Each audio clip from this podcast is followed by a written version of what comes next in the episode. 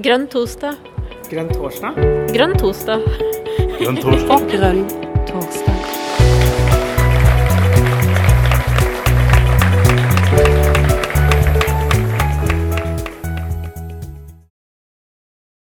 Ja, da har dere Men eh, velkommen til Grønn torsdag, da. Til Takk. alle sammen. Nå er sendinga i gang, så da må vi jo si det først. Og Karina, hvem er det vi har som gjest i dag? I eh, dag så er det Harald, Harald Moskvild som, eh, som er eh, også en talsperson for næringspolitikk. Stemmer det, Harald? Eh, du var jo landbrukspolitisk talsperson tidligere, så du har bytta beite. Ja, det er nesten riktig. Jeg er fortsatt landbrukspolitisk salgsperson. eh, Men så har jeg fått en rolle til, og det er leder for næringsutvalget. Sånn var det, ja. Dette var veldig greit å få rydda opp i, kjenner jeg. fordi at her stoppa det seg litt for meg. Og det er ikke så rart, eh, men det som er litt viktig å presisere, da, det er at det er Rasmus som er næringspolitisk talsperson fordi han sitter i næringskomiteen. Fantastisk. Men du har blitt invitert til oss fordi at eh, du sitter da som leder av denne komiteen. Eh, og, eh, og dere jobber jo med ting, og sånn sett så tenker jeg at det er et fint eh, rom her å begynne å diskutere det som du ønsker å ta opp, diskutere, belyse i det arbeidet som dere gjør. For dere skal jo legge fram en plattform dere til landsmøtet, stemmer ikke det?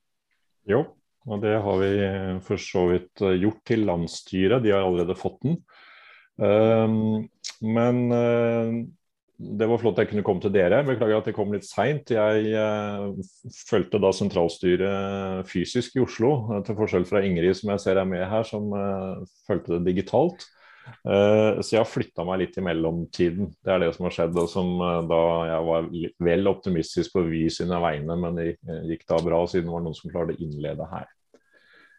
Uh, det som vi har gjort i næringsutvalget, eh, som for så vidt er nystarta, som ble startet rett på nyåret egentlig, altså i år, eh, det er at vi har prøvd å sette oss ned og så prøve å finne ut hva er, hva er grønn næringspolitikk. Eh, Og siden vi da fikk en utfordring allerede 1.3 om å levere forslag til en plattform som da skal behandles i landsstyret eh, nå 1., 2., 3. april. Eh, og i landsmøtet i mai. Eh, og så var da fristen 1. mars. Så måtte vi på en måte jobbe litt raskt, så det ble en sånn hurtigarbeidende komité for så vidt.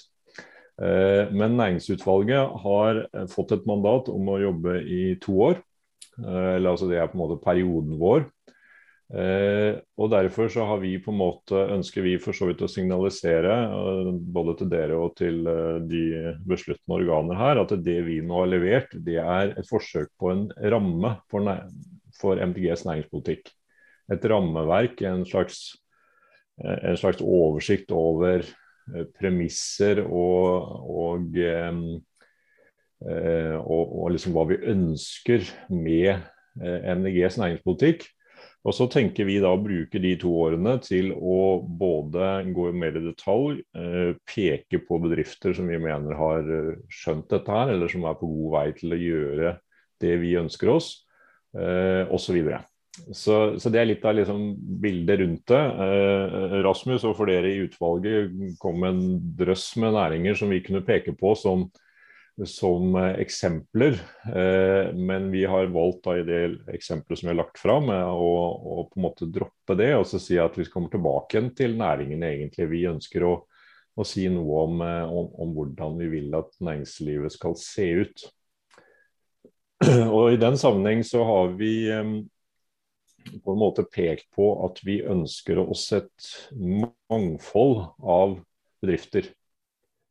Eh, og ikke én bransje som erstatter oljen, som er liksom det vi ofte får som et sånt spørsmål. Hva skal dere erstatte oljen med, er jo liksom det vi blir møtt med i politikken. Eh, og det vi ønsker å erstatte oljen med, det er et mangfold av næringsliv.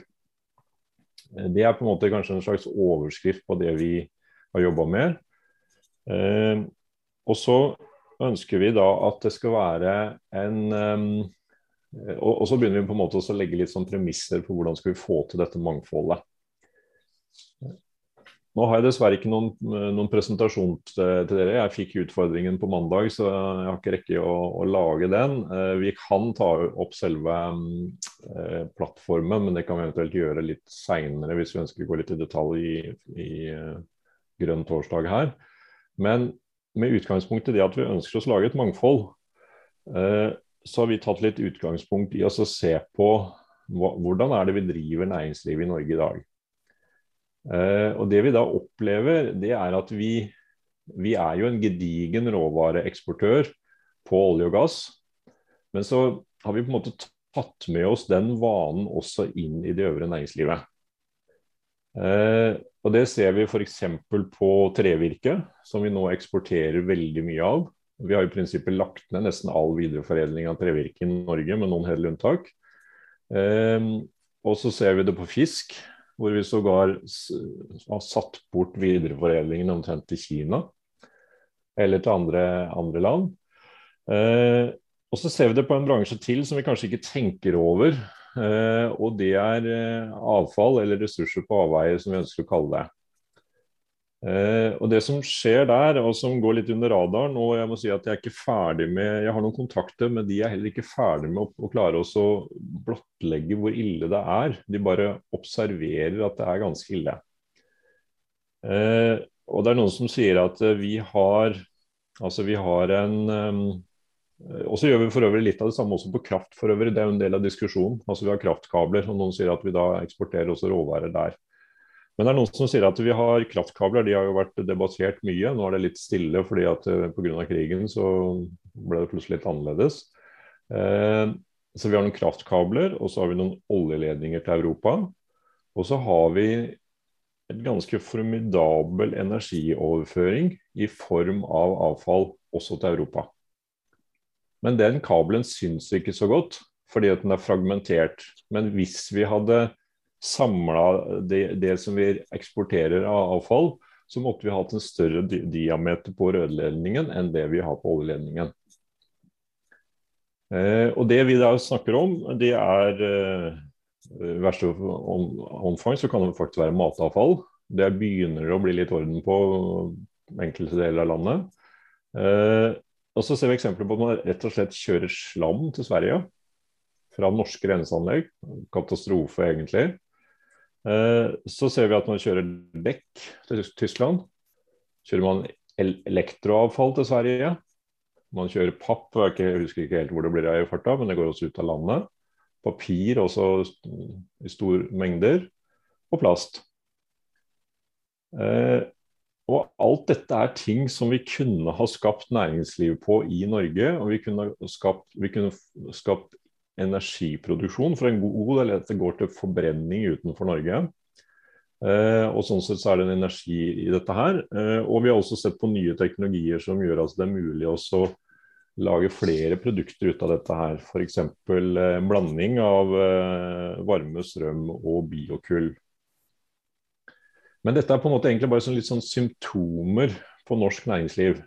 Fordi vi har en så tung oljeindustri, som er en, en råvareeksportør, så tar vi med oss den tankegangen også inn i, i, andre næringer. Og vi kunne også for så vidt hengt på landbruket i denne sammenhengen, eh, hvor vi nå har en betydelig import av foredla varer.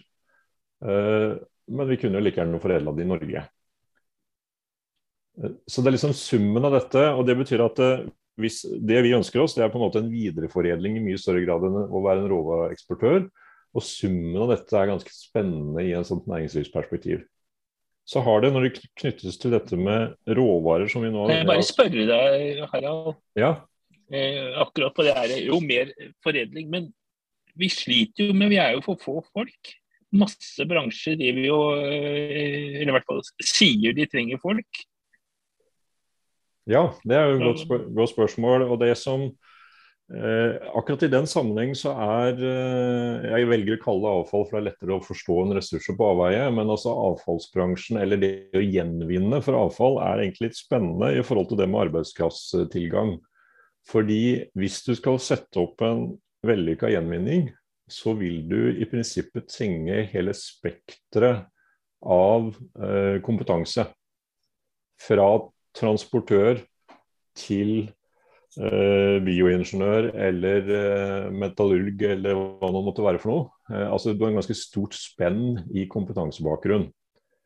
Eh, det er interessant inn mot arbeidsmarkedet. Men så, jo, så, har vi jo på en måte delvis fått en utfordring, eller vi blir veldig ofte møtt med en utfordring, og det at vi skal skape arbeidsplasser, for vi har tenkt å legge ned noen i alle industrien. så sånn sett så finnes jo kompetansen. Men det er bare at vi bruker den på feil næring. og Det har vært en av mine kjepphester både i valgkamp og forskjellig. og det er at vi, vi har masse kompetanse i Norge, men vi misbruker kompetansen på en næring som vi skal slutte med. Arild, vil du ha innspill nå, eller vil du ha etter hvert? Eller hvordan gjør vi dette her? Ja, Det spørs litt hvor uh, god tid vi har. Jeg tenkte egentlig jeg skulle på en måte dra gjennom litt av prinsippene, og så kunne vi ta en, en skikkelig runde etterpå. Men ta gjerne noen spørsmål hvis jeg, hvis jeg formulerer meg uklart. Så hvis du har spørsmål... Ta det etterpå som et innlegg. Ja. ja.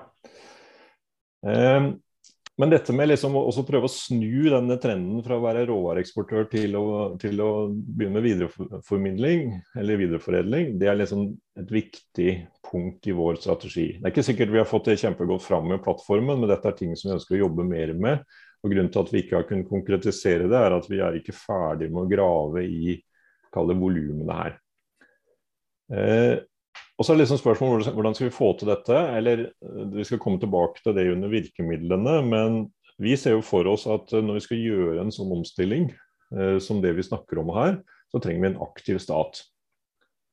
Eh, og Paradokset er at vi har en aktiv stat i dag, men den går etter en næring som er i solnedgangen.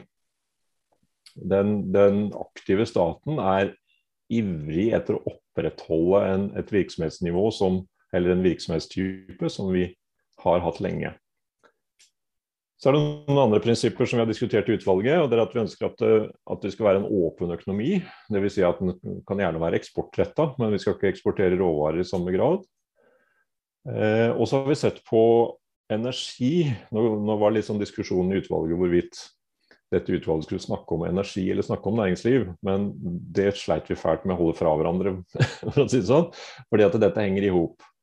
Eh, og Grunnen til at vi tok det inn, er at vi tok det inn på to områder. Det ene var at vi, vi tok det inn med å si at vi skal spare på energi. Vi kan gjøre masse tiltak for å spare på energi. Vi kan energieffektivisere i veldig mange sammenhenger. Eh, og så kan vi også produsere energi på nye måter. Og når det gjelder både sparing og produksjon, så må vi i mye større grad gjøre det på hvert bygg. Vi har i Norge en sånn tradisjon når det gjelder å lage energi, så skal vi i prinsippet lage veldig mye energi på én plass, og gjerne så langt unna forbrukeren som mulig. Les kraftverk eller vindmøller. Altså Vindmøllene skal være så store som mulig. Og når de blir så veldig store, så kan de jo ikke stå ved siden av huset ditt. Så da setter vi dem bokstavelig talt oppå fjellet, dvs. Si i utmark og i uberørt natur. Og akkurat det samme har vi egentlig gjort i 100, 100 år på vannkraft. Vannkraften ønsker vi i Norge å fremstille som veldig ren, men naturinngrepene er jo formidable. Ut fra samme tankegang. Og så er det spørsmålet, Kan vi snu denne og så si at eh, når du bygger et hus, hvis du tenker at du bygger et nytt hus eller en ny bygning, så skal det bygget produsere sin egen energi. I størst mulig grad. Og når vi har et gammelt hus, så skal vi også se om det huset kan produsere sin egen energi og ta bedre vare på å utnytte den energien som de har, enn de gjør i dag. Så I forlengelsen av dette med energi, så har vi også hengt på at vi mener at en fossilfri energi den er også en del av et europeisk marked. Vi kjøper ikke helt den forklaringen som sier at nei, vi kan ikke, vi kan ikke eksportere kraft fordi at det går utover bedriftene. Og Da sier vi som så at okay, dette må vi få til begge deler. Vi må både kunne eksportere og importere kraft, og samtidig ha kraftkrevende industri i Norge.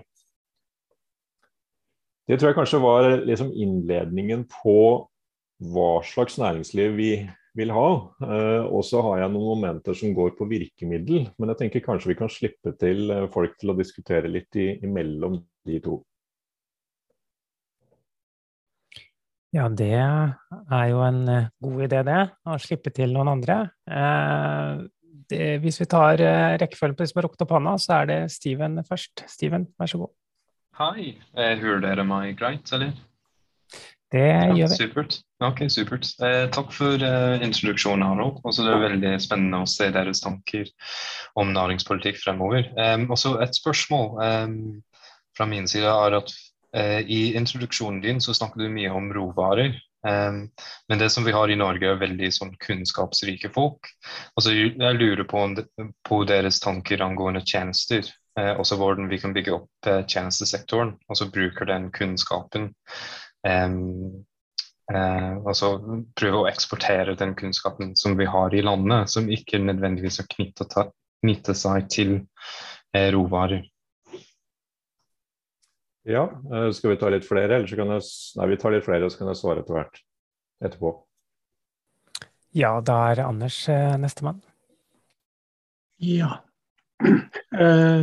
Du var inne på og nevnte det med avfallshåndtering og gjenvinning osv. Eh, vi har vel ofte hørt fra hva skal vi si, de som leverer avfallet ut, at en av grunnene til at eh, vi gjør det, er fordi at eh, vi produserer ikke nok avfall her til lands. Vi har rett og slett ikke nok råvarer til en sånn industri. Det betyr vel kanskje at vi må importere, da. Men også på den andre siden så er vi Altså Vi har 5,5 millioner mennesker, og samtidig så ønsker vi i hvert fall i MDG at man skal kaste mindre. Vi må få det til å gå opp, og det er bare det jeg lurer på.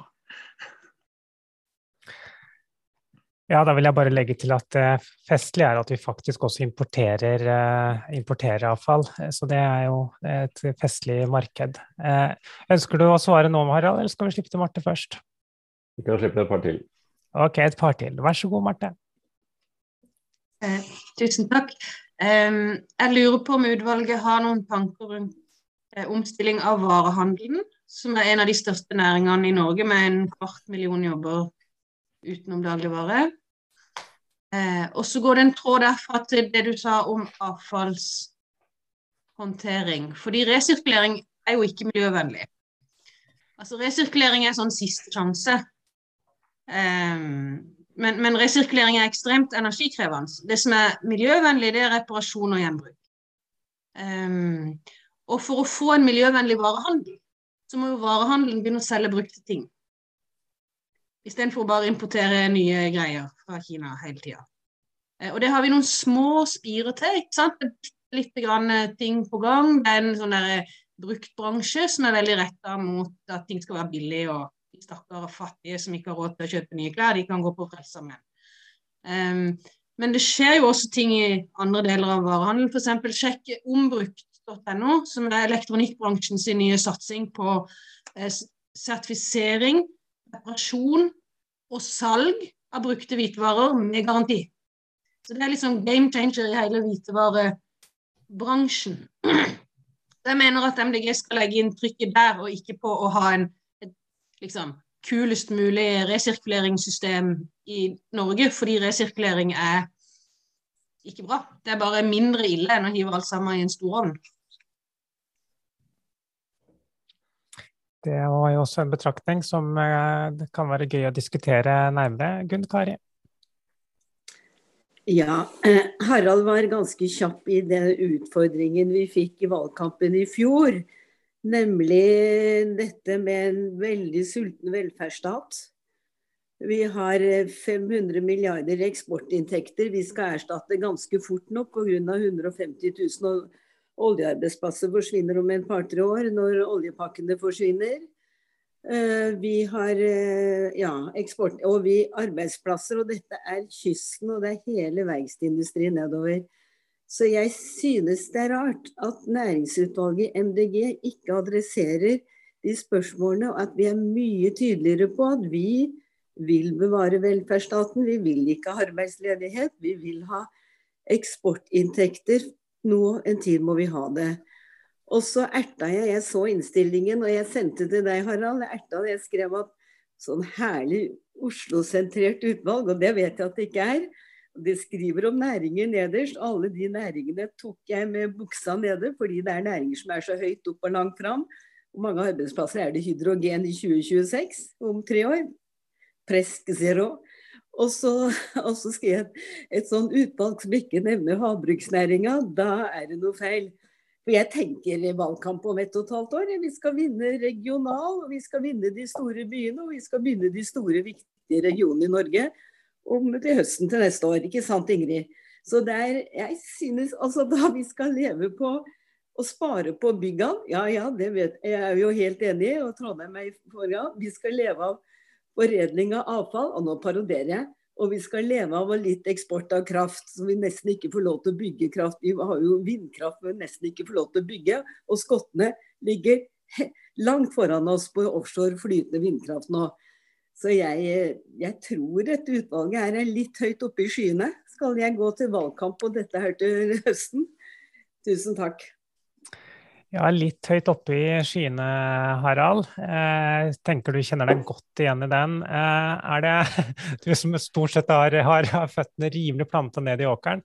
Men eh, har du fått notert ned spørsmålet og er klar til å gi noe respons til oss, Harald? Ja, det skal jeg gjøre. Uh, vi får prøve å ta det i uh, rekkefølge. Steven etterlyste tjenester. Uh, og det um, tror jeg jeg hoppet over. Det har vi med. Eh, fordi, eh, så Det er et punkt som jeg ikke nevnte, og det er at vi ønsker oss eh, et næringsliv som i mye større grad også er digitale løsninger, og som dermed har et mye mindre fotavtrykk. Altså Den høye kompetansen som vi har i Norge, kan vi selge i prinsippet over hele verden. Og det vil være en industri som har et helt annet fotavtrykk. Det er riktignok ikke null når vi ser på hva et Google datasenter bruker av strøm, men, men, det er mye mindre. Eh, så det er ikke glemt, men eh, det var glemt i min presentasjon. Eller jeg måtte gjøre et utvalg. Eh, så til Anders som snakker om for lite avfall. Og det har vært den vanligste argumentet mot at vi skal gjøre noe med det i Norge. Det er et veldig mye brukt argument. Har, det er så lite så det er ikke noe å bry seg om, så vi må sende det til noen som har mye mer. Men hvis de som har mye mer, brenner det, så er jo ikke det spesielt avansert. Uh, og det vi ser, er at teknologien um, Hvordan skal jeg formulere det? Uh, vi tenker jo som så at nei, vi kan ikke investere i en sånn maskin, da, hvis vi tenker oss det, som skulle f.eks. sortere e-avfall, fordi det er så kostbart å bygge denne maskinen. Uh, men hvis vi f.eks. Nå er jeg litt over på virkemidler, men altså hvis vi da hadde brukt en leterefusjonsordning for å finne metallene i E-avfallet, sånn som vi egentlig gjør med oljeindustrien, eh, så hadde vi vært villige til å bruke noe sånn som 17 milliarder per år på det. Nå husker jeg ikke om tallet var 17 milliarder i fjor, men 17 milliarder var for en to-tre år siden. Eh, det er det tallet jeg husker. Eh, og det, en, det, har vi også vært litt inne på som et, en overgang. altså Det er en sammenheng. fordi at Det man da gjør, er at man leter etter energi, men her kunne vi lett etter mineraler. Eh, og Når vi da er villige til å gi f.eks. selskapet danske Mersk 6 milliarder kroner for å lete etter olje på norsk sokkel over en periode på jeg tror ikke det var mer enn fem-seks år, eh, uten at de har funnet olje, så er vi jo tydeligvis villige til å kaste penger etter dårlige prosjekter. og Dvs. Si at vi kan også tillate oss å prøve noe nytt. Men det er en veldig vanlig motforestilling. Det at det er, vi hører det overalt, at eh, vi har for lite avfall. Men det handler litt om hvor, hvor smart man gjør det. Uh, og det kommer også ny teknologi her som gjør det mulig. Så til Marte. Du har jo helt rett. Altså, vi liker jo ikke avfall. For vi liker jo at vi unngår at det blir noe. Eh, og dette med hvordan varehandelen skal drive, det er et interessant innspill. Det er et tema eller, eller på en måte en, en, vinkling som vi ikke har vært innom. Eh, og det er kanskje også litt med innledningen min, at vi hevder ikke nå å ha, ha vært innom alt. Vi ønsker jo derfor veldig mye innspill for å komme videre. Eh, Ombrukt.no har jeg brukt sjøl. Eh, kjøpt kjøleskap, Eh, og ble jo veldig overrasket over hvor stort tilbudet var på de nettbutikkene der.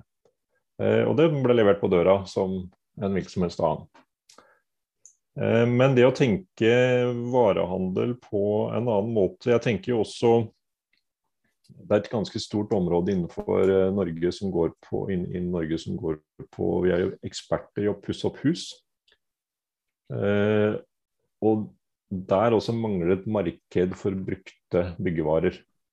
Eller sågar nye, de er, for det blir kasta mye nye byggevarer på avfallsmottakene bortover. Så til Gunn, som jeg har fått en e-post fra som ikke jeg har svart på, men som jeg absolutt har registrert. Eh, og det er veldig flott med tilbakemeldinger. Eh, du hadde jo også helt rett, eller du hadde jo sjekka geografien. altså Vi kom ikke fra Oslo så veldig mange av oss i ditt utvalget. det har du rett i.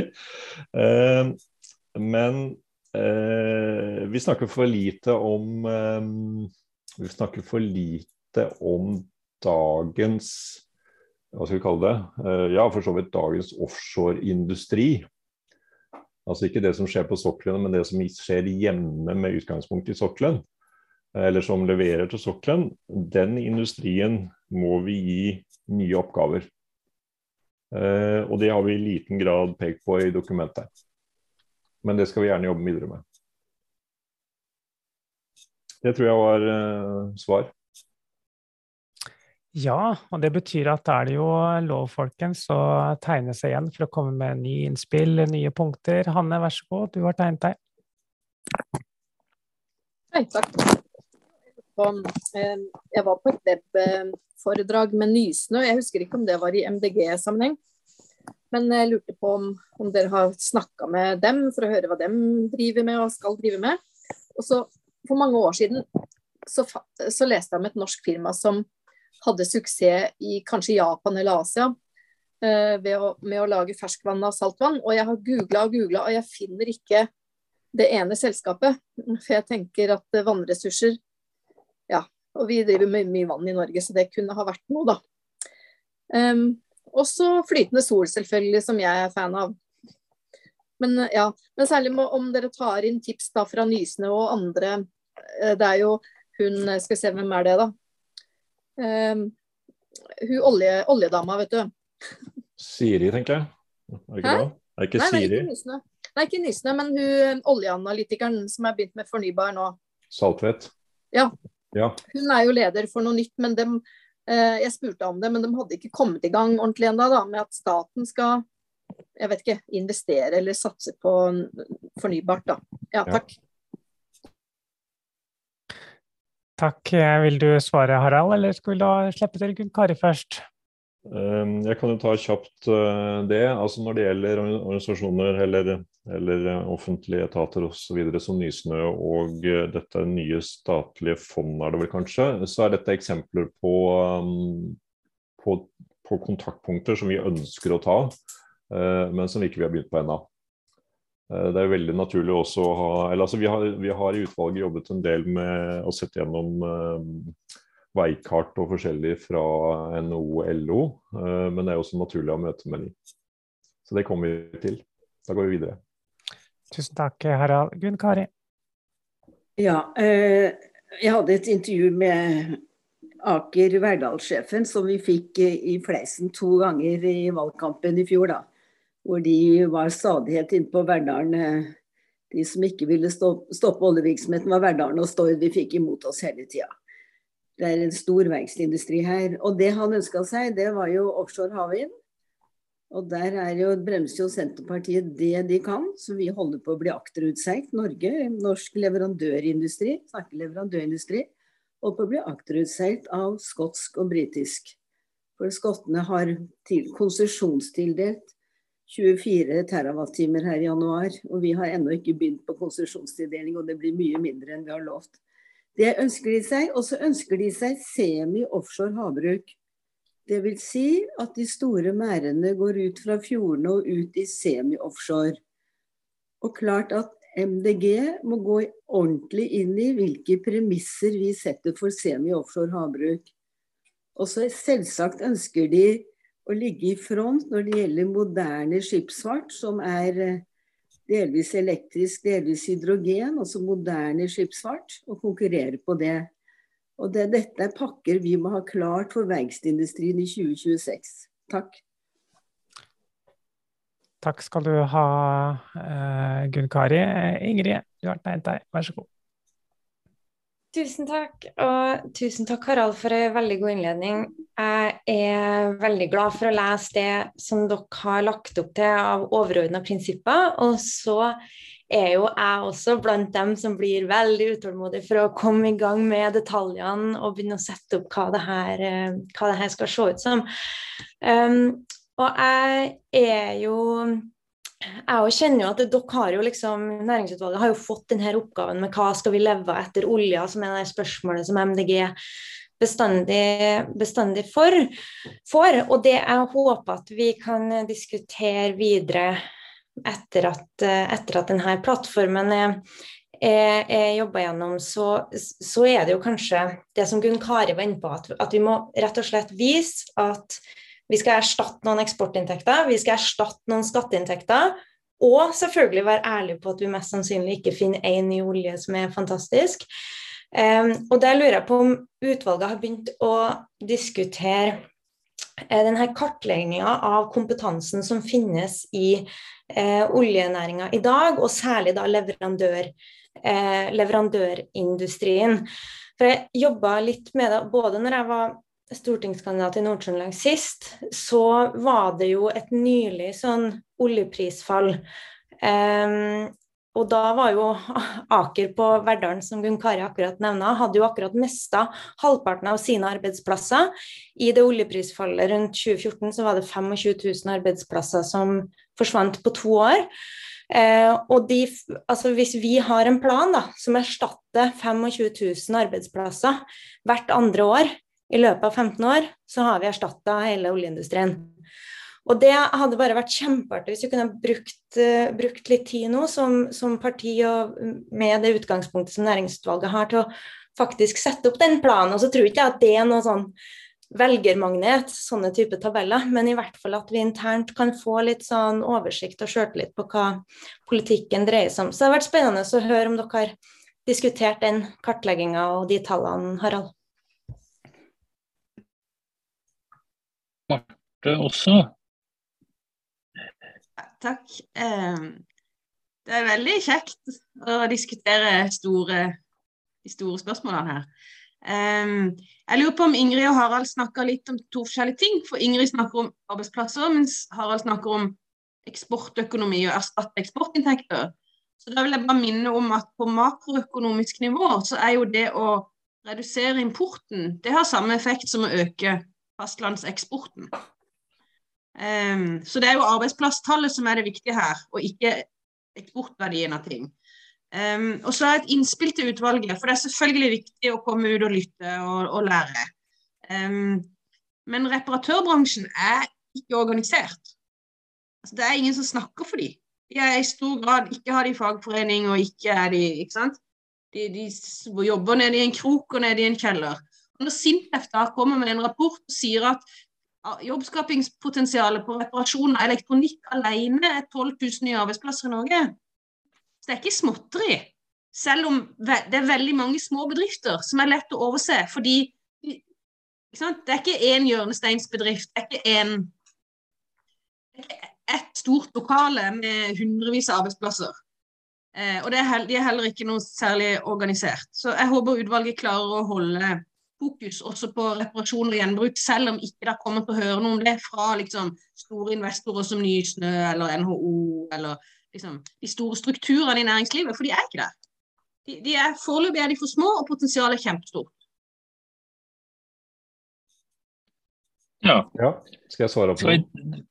Skal vi ta Ellen, og så kan du svare etter det? Hvis ikke du har et veldig ja. langt og vanskelig spørsmål, da. Vi får se. Vær så god. Ja, skal jeg bare spørre? Kom, kom igjen. Du, um, jeg er litt nysgjerrig på hvordan dere tenker næringspolitisk rundt rammevilkår for grønne entreprenører. Og hvordan vi kan få til en omstilling i hvordan bedrifter arbeider grønt. Um, og næringspolitikken i forhold til det. Um, jeg holder på med en doktorgrad om grønne entreprenører i England. Og jeg ser jo at de tenker veldig nytt både rundt hvordan de organiserer seg juridisk og på andre måter. Og opplever vel at vi er litt umoden på det her i Norge. Så jeg er veldig nysgjerrig på hvordan MDG jobber med det. Um, jeg har ikke vært så veldig aktivt som medlem, og det er første gangen jeg er med på denne torsdagen, så hører gjerne mer om det. Veldig hyggelig at du stikker innom, og så skal vi slippe løs Harald på svar her. Er du klar? Ja. Eh, kan du ta Ellen, eh, Ellen først, kanskje, da, så vi tar motsatt rekkefølge. Eh, veldig interessert i å høre hva du finner ut i England underveis i arbeidet ditt. Men jeg kan jo si litt, altså jeg vet ikke om utvalget egentlig har kommet så veldig langt på det, det spørsmålet. Men jeg sjøl har vært veldig på at vi må forenkle virkeligheten for unge entreprenører. For det vi ser i dag, det er et ganske formidabelt søknadsvelde.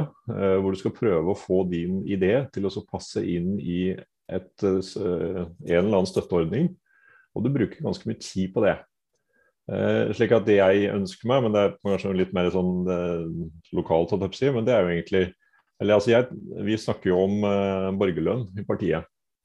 Eh, og så er det liksom vanskelig å få i gang en borgerlønn fordi det er en stor, stort apparat. og Paradokset med borgerlønn er at det funker egentlig best hvis alle får det. Eh, men jeg tenker jo at borgerlønn kunne være et ypperlig eksempel på hvordan vi kunne ha, ha gitt støtte til eh, entreprenører og til gründere. Eh, Istedenfor at vi skal søle bort pengene på en drøss med ordninger hvor du må stå på rett bein for å søke på rett sted.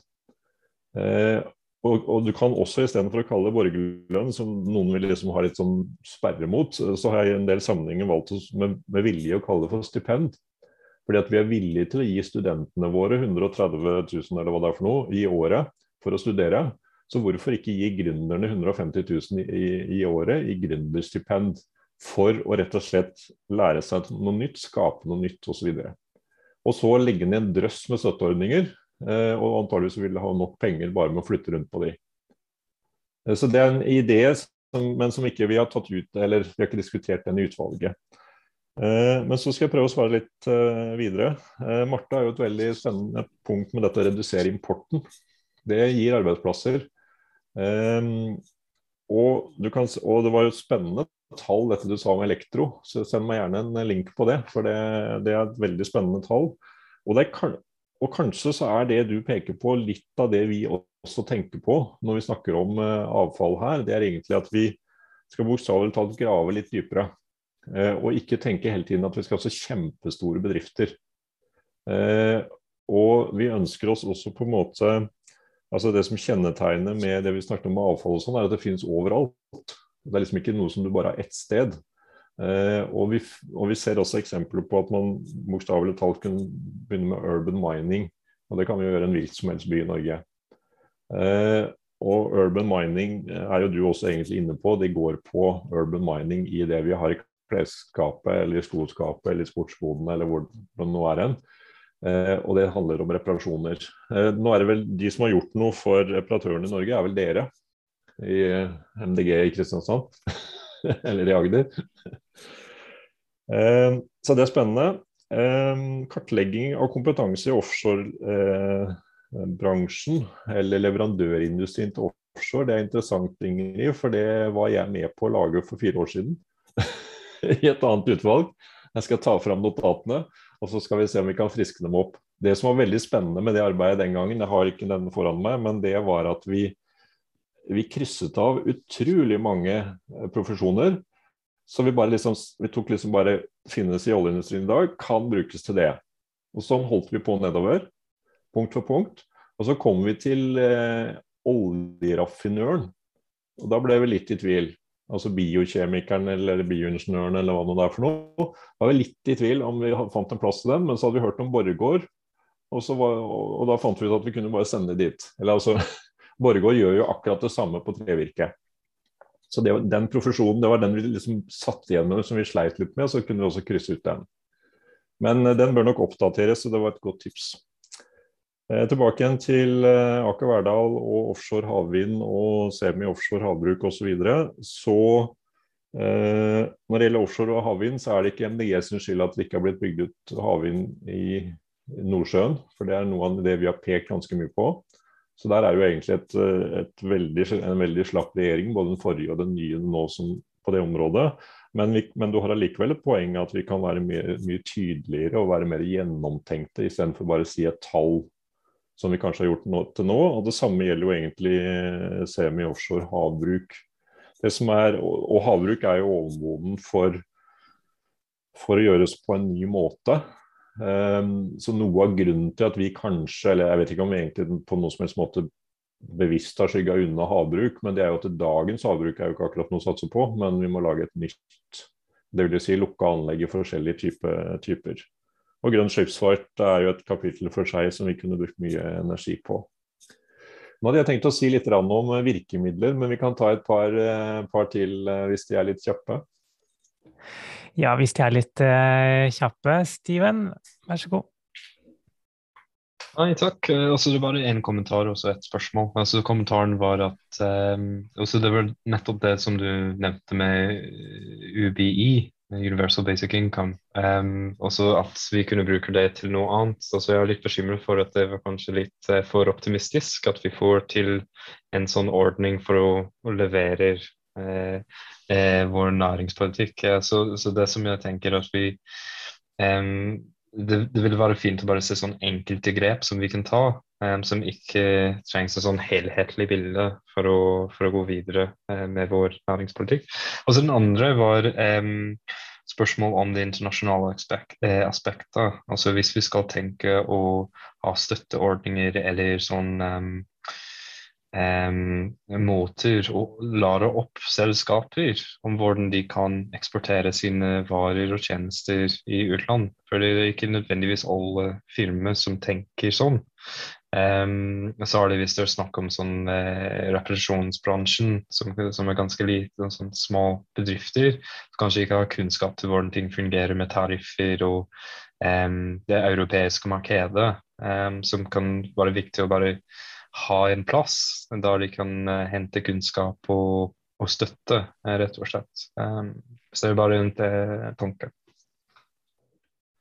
Tusen takk. Bare noterer du, Harald, og så setter vi over til Hanne.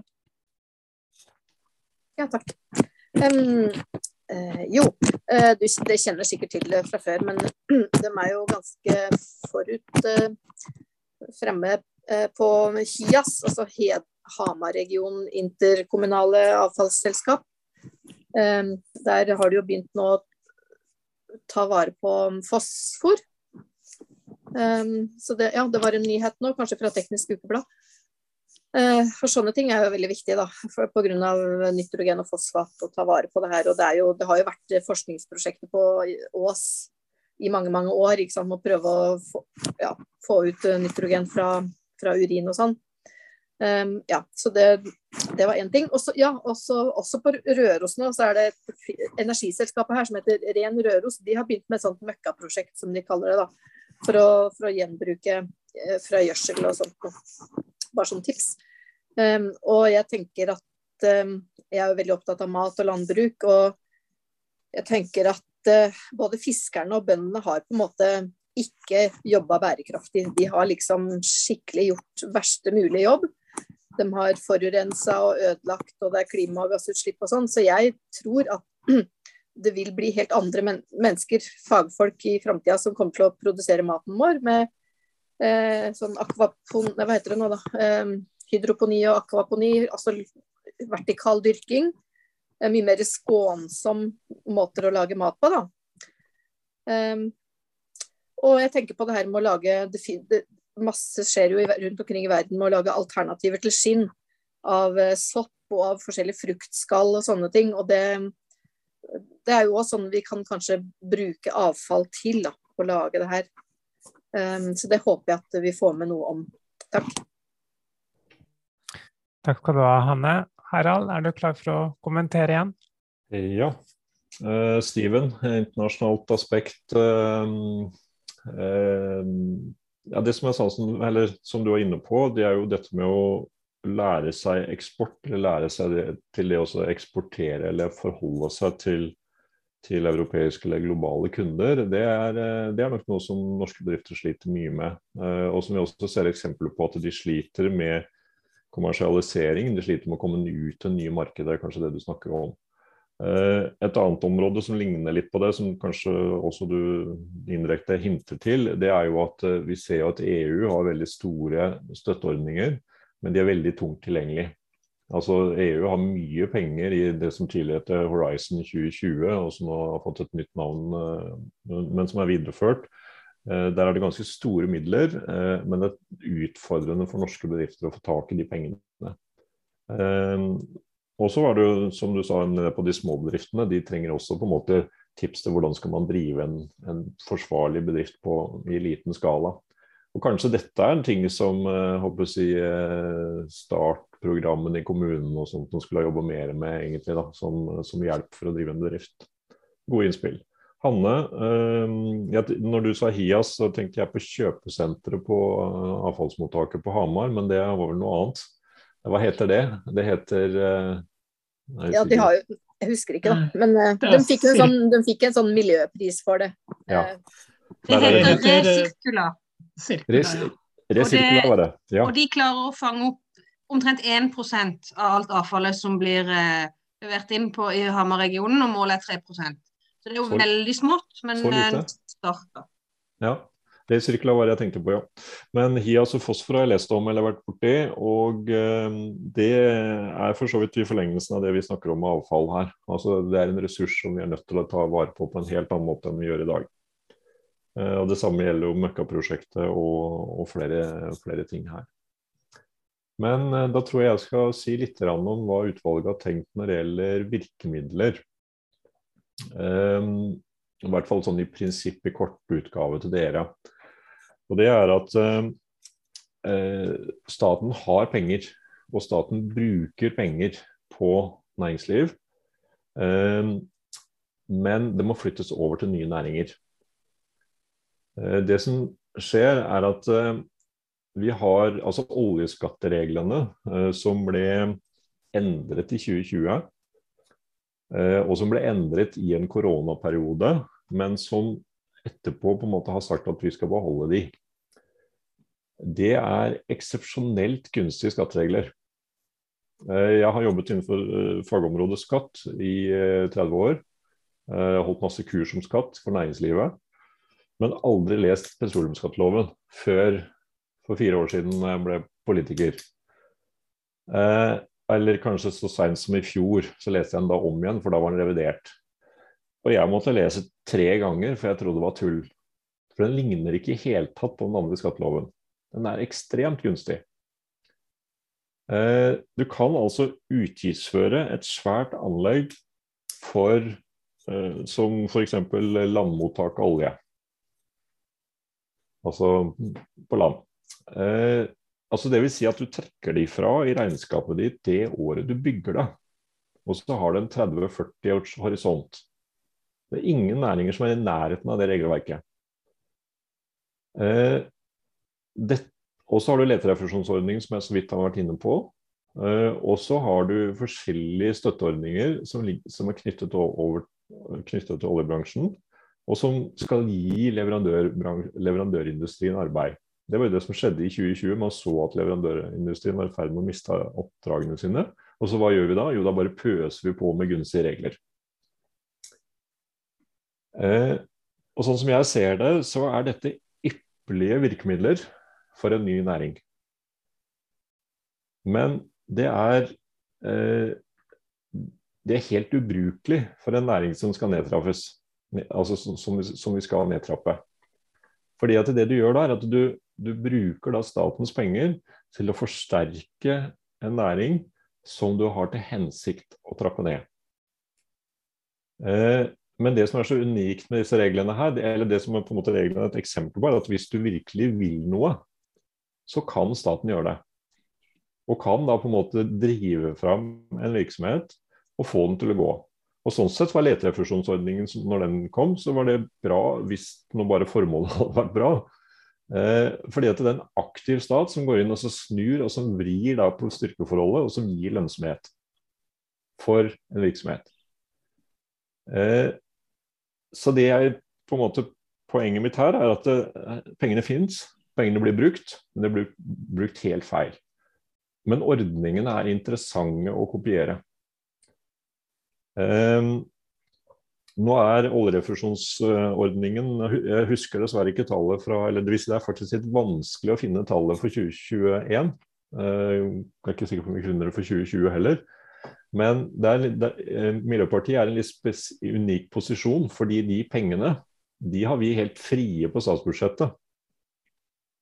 For vår politikk sier at vi skal slutte å lete etter olje i dag. Dvs. Si at alt som vi bruker på refusjonsordningen i dag, kan vi kjøre rett inn i nytt næringsliv. Eh, og når da, når da, Innovasjon Norge skryter at de har 7 milliarder, så blir det småpenger i forhold til refusjonsordningen. Så Siste gang jeg så på det, så var det ikke noe vanskelig å doble Innovasjon Norge sin pott, f.eks. Så Det, er én greie som vi har sett litt på, og som vi skal jobbe litt mer med. Og så er det en annen en som er veldig interessant som virkemiddel, og det er offentlige anskaffelser. Offentlige anskaffelser må stille krav, og kan stille krav. Eh, og næringslivet vil normalt være veldig interessert i det, fordi at det næringslivet som da har omstilt seg, det gir dem eh, konkurransefordeler og gir dem muligheter videre.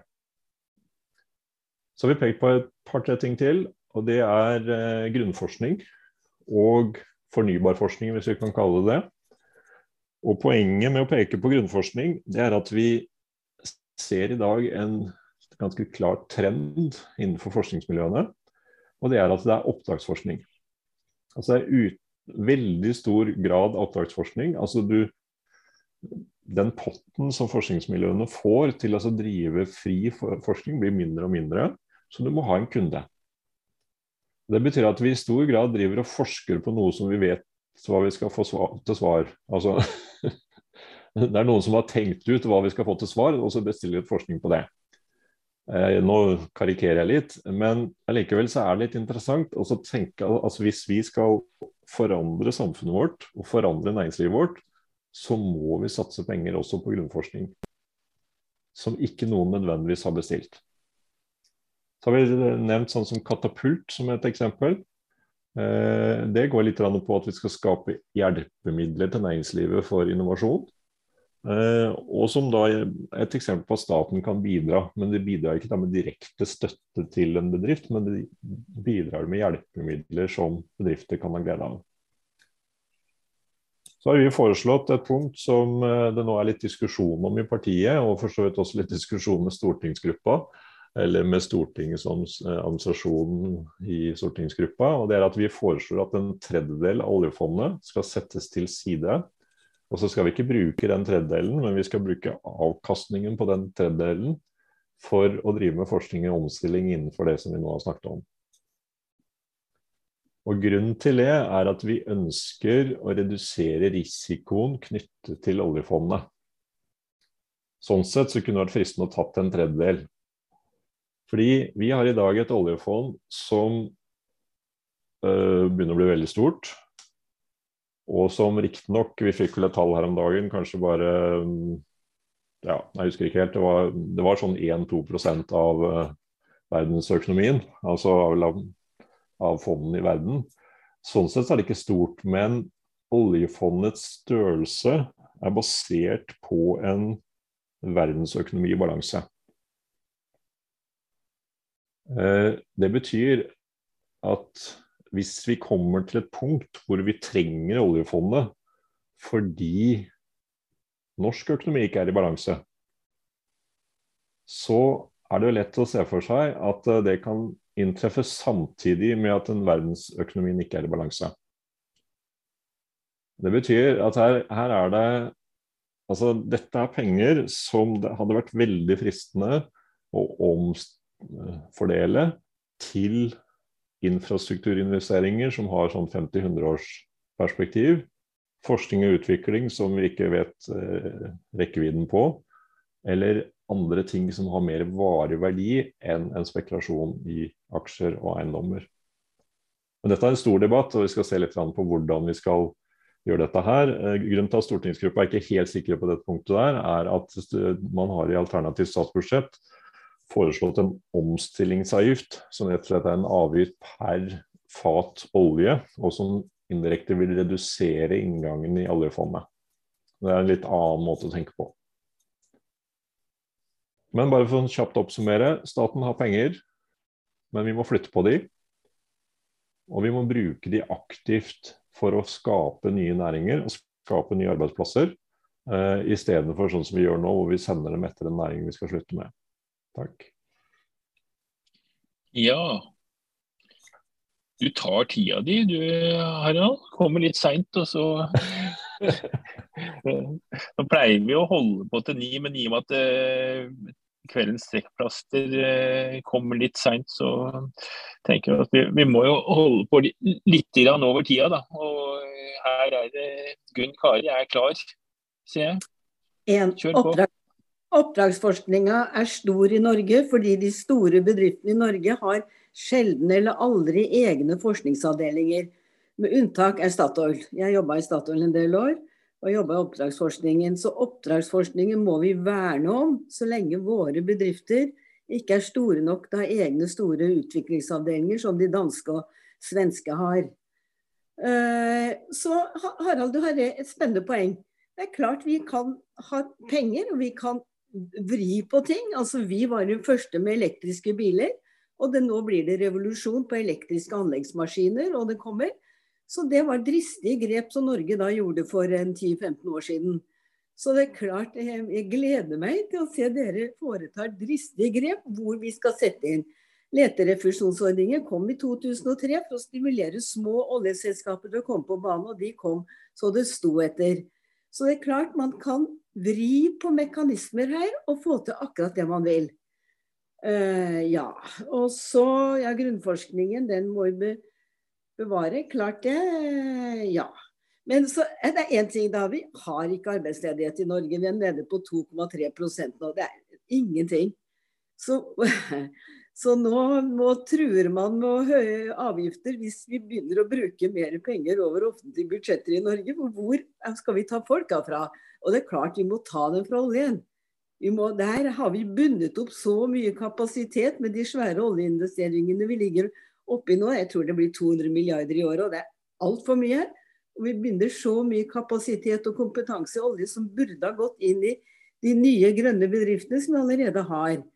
Så det er, vi må gjøre noen vrier der. Og denne her lille avgiften på de oljefatene det er helt riktig vei å gå. Tusen takk. Takk, Gunn Kari.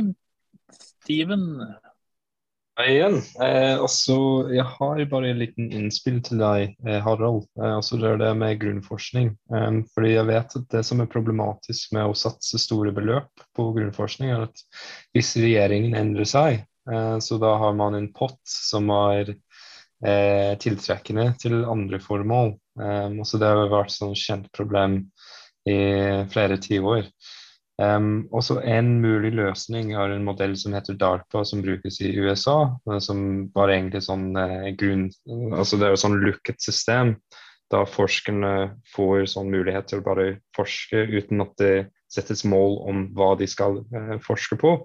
Også det, var, um, det var den gruppen som uh, utarbeider internettet og, og, og, og, mye sånne spennende ting.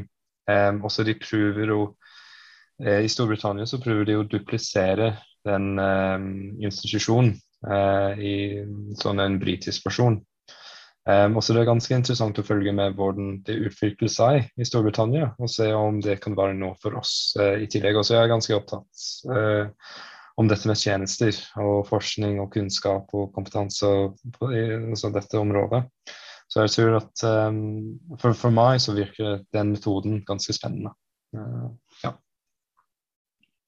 Kan du gjenta hva, hva, du kalte det i USA, eventuelt i Storbritannia? Jeg tror det var kalt uh, DARPA. Um, og så er det en akronym DARPA. Um, og så jeg kan finne en lenke og så sende deg um, på e-post. Ja. Takk. Da har jo, er det ikke flere som har eh, løfta handa.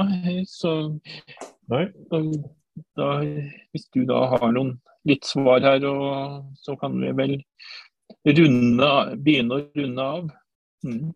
Ja, det kan jeg gjøre. Um, interessant det Gunn Kari er inne på her, at bedriftene ikke har egne forskningsavdelinger. Uh, det gis jo, altså Vi har jo SkatteFUNN-ordninger og forskjellig for at bedriftene skal uh, kunne forske. Men det er interessant, og for så vidt også det Steven sier, at grunnforskning kan være noe som man kan stikke av med eller stryke. og det er klart at det det fordrer jo på en måte litt sånn langsiktighet. Det er jo, Miljøpartiet er jo kjent for langsiktighet, men uh, nå ser vi jo en regjering som driver med reversering av forrige regjeringstiltak. Uh, så det vil si at det er ikke sånn veldig langsiktig tankegang inne der. Uh, så det kan være utfordrende. Men ellers takk for tips, Steven. Som en liten avrunding så er jo da formål, eh, veien videre nå det er at denne plattformen skal da opp i landsstyret, som jeg nevnte, og på landsmøtet. Eh, vi satte litt bånd på oss. Jeg eh, er, er, med i møtet her. og Vi satte litt bånd på oss at det skulle være to sider. Og vi, stopp, vi lot på en måte være å nevne næringer. Dvs. Si vi nevnte noen. altså Det var det Gunn reagerte på, at vi mangla mange der. Men Rasmus, som også er med i utvalget her, kommer jo med 20 eksempler til næringer.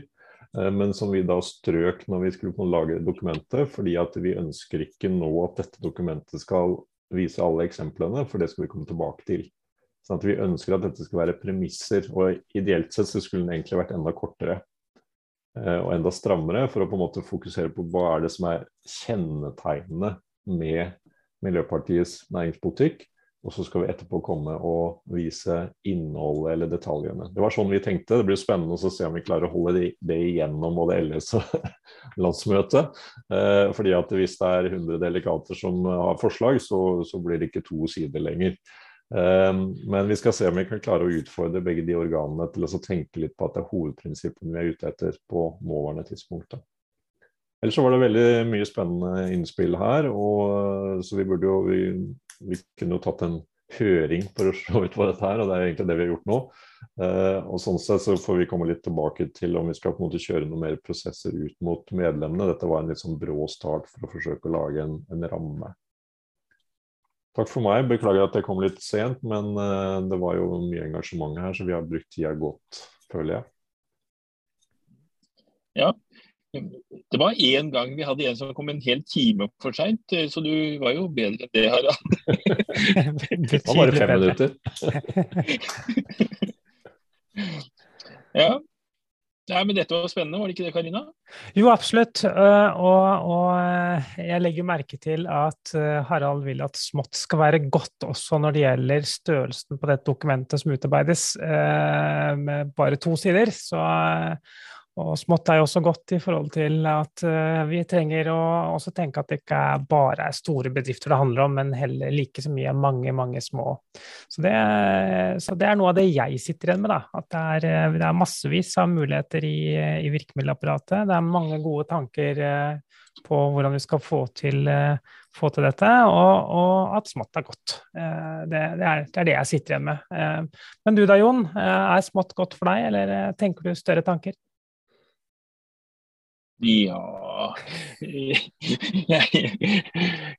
jeg, jeg, har tenkt litt store tanker i dag. for Jeg driver og jobber med nytt styre for Cirkula. Circula. vi var først inne på Hias og Circula her. Så, så, jeg sitter i representantskap og valgkomiteen der. Så da, da har jeg tenkt litt store tanker. Men eh, etter det møtet her, så det jeg tenkte mest på, som jeg prøvde å Det kan hende det var det Ingrid var inne på når jeg var litt ufokusert her på hvordan regnskapet går opp med antall folk i Norge. Altså, hvor mange sykepleiere er det disse syke, Sykepleierforbundet sier vi trenger? Jeg husker ikke, men det var fryktelig mange. Og så sier man at man mangler IT-folk, og så mangler man ditt og datt. Og så har vi jo, vi har disse olje, ja, 150 000 i oljearven og sånt, men eh, Går dette opp? Hvor mange flyktninger skal vi ta imot fra Ukraina?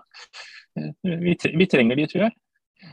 Jeg tror ikke vi skal være bekymra for arbeidsledighet slik som det ser ut akkurat nå, så lenge det er såpass fart der i norsk økonomi. Men samtidig så er det store endringer nå, da, så jeg tror vi skal være forsiktige med å gjøre noen bastante konklusjoner her og nå uten noen dypere analyser, eh, Jon. Eh, det er Hvis jeg kan kommentere, så går det noen eh, løp ved siden av her. Og det er jo knytta til um, robotisering i mange bransjer, som vil da virke motsatt. Mm. og det er ikke sikkert, eller Martha var inne på at vi skal ikke fortsette å kjøpe varer fra Kina som vi selger i butikkene våre. Eh, så det er jo behov for omstilling. Altså hva er det vi bruker arbeidsstokken til i dag? Mm. Sånn sett mye bedre at vi hadde brukt de på helse enn på å selge kinavarer som ødelegger kloden både, både, her og der. Mm. mm. Det høres ut som det er greit at det er siste ord, eh, Jon. Eh. Mm. Nei, det er ikke siste ord, for du skal, si, du skal si noe om neste torsdag, Karina. Det holdt du på å glemme. Det er helt korrekt. Da vil jeg først si tusen, tusen takk til Harald for at han var her. Tusen takk til alle dere andre for at dere kom. Neste torsdag så kommer eh, Tommy Reinås. Og um, han er jo distriktspolitisk talsperson. Han har allerede gått litt høyt ut i eh, bl.a. Eh, TV 2 denne uken her i forhold til drivstoffpriser, som han mener uh, at vi må tenke litt på lommeboka til folk også, ikke bare på at bensin skal være dyrt. Um, så han kommer og skal snakke litt om Jeg antar det er distriktspolitikk. Han kommer nok til å svare litt for seg i forhold til sitt utspill på, på drivstoffkostnader også. Så det kan bli spennende. Så jeg håper jo at mange kommer og deltar i diskusjonen, for her vet jeg at det er litt forskjellige meninger i eh, partiet på hvordan vi skal håndtere dette på en mest mulig optimal måte. Det som i hvert fall er helt sikkert, er jo at eh, det skjer mye med lommebøkene til folk akkurat nå, og det er krevende for folk. Og det, det skal vi eh, det er, det er, lov å trene litt på empatimuskelen også, og det tror jeg vi får god mulighet til å gjøre i ukene og månedene som kommer. Så med det så sier jeg tusen takk, og så ses vi neste torsdag. Ha det godt. Ha det.